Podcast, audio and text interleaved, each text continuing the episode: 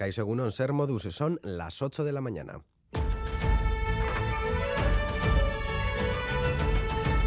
Crónica de Euskadi con Lier Puente.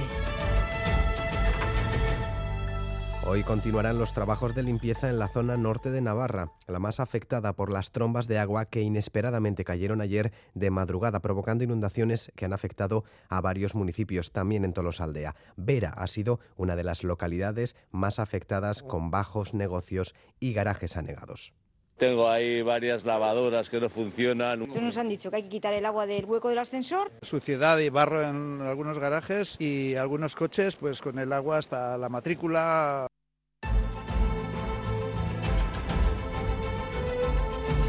El alcalde de Vera, Aitor El Espuru, ha explicado que este episodio de inundaciones ha sido algo explosivo, ya que a las 4 de la madrugada su barrio parecía una piscina cuando dos horas antes no había caído una gota. Ha sido tremendo, en, hora y media han caído 110 litros y el río se ha desbordado. Eh, pasa en el casco viejo también el, el, río y eso, bajeras, zonas comerciales, casas, se ha llevado por delante y hay bastantes daños, sí. En Lesaca también un desprendimiento ha inundado seis viviendas. En Arano se han registrado 217 milímetros, lo que sería un nuevo récord absoluto desde que tienen registros.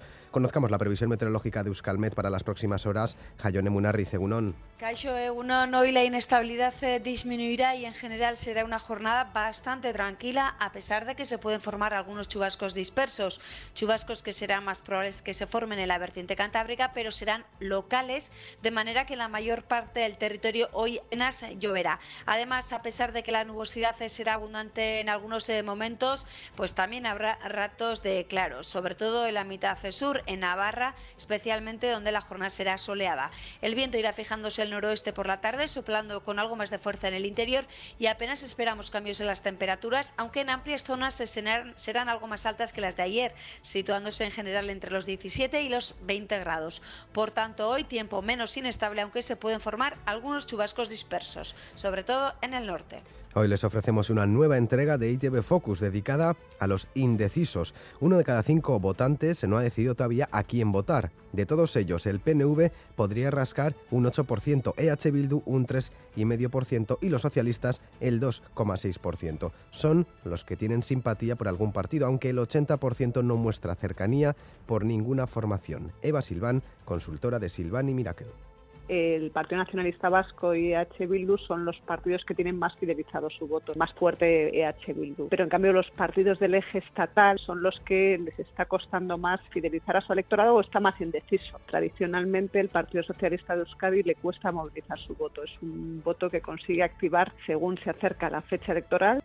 Un hombre de 36 años ingresó ayer en prisión acusado de intento de agresión sexual y detención ilegal de una menor en Irún. El pasado viernes, la Ertzaintza detuvo al acusado en la zona de San Miguel tras la denuncia de una mujer que alertó de que un hombre se había acercado a su hija, le había realizado tocamientos y después la había cogido en brazos para intentar llevársela. Fue la propia mujer la que consiguió arrancar a la menor de los brazos del arrestado. El mismo hombre estaba siendo investigado por acercarse a menores en la vía pública, ofreciéndoles chucherías e incluso drogas o mostrando actitudes obscenas. Además, la Archainza continúa investigando el material hallado en la casa de un hombre de 24 años detenido en el Valle de Ayala por realizar proposiciones sexuales a menores a través de las redes sociales. La familia de una víctima presentó una denuncia en Laudio. El acusado habría propuesto al menor incluso un encuentro sexual. La investigación continúa abierta y no se descarta que aparezcan nuevas víctimas.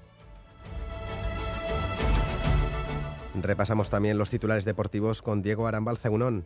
Egunon, 32 años después, la Real volvió a ganar al Barcelona en el Camp Nou, 1-2 con goles de Miquel Merino y Sorlo. Y no solo eso, sino que dio un paso de gigante hacia la Champions, que está más cerca, ya que los Urdin mantienen la renta de 5 puntos con el Villarreal, a falta de tan solo 9 por disputarse. Por su parte, el Athletic derrotó al Celta en Samamés, 2-1 para los Leones, con goles de Iñaki Williams y Berenguer, un triunfo que permite al Athletic seguir vivo en su pelea por terminar séptimo e ir a Europa. Osasuna, que está a tres puntos de los Leones, visita hoy a partir de las cuatro y cuarto al Atlético de Madrid sin Moy Gómez ni Abde, ambos con molestias. En segunda, el Deportivo Alavés ganó en Mendizorroza por 2-1 al Málaga y va a depender de sí mismo en la última jornada para lograr el ascenso directo. Si gana en Las Palmas será equipo de primera. Por su parte, el Eibar empató a 2 en Ipurúa contra el Sporting, se despide del ascenso directo y se le va a jugar en el playoff. Quien tampoco pudo consumar ayer el ascenso fue la Morevieta, que no pasó del empate en Urriche ante el Nastic, así que los azules tendrán que esperar a la última jornada para subir a segunda, donde van a visitar al descendido Bilbao Athletic.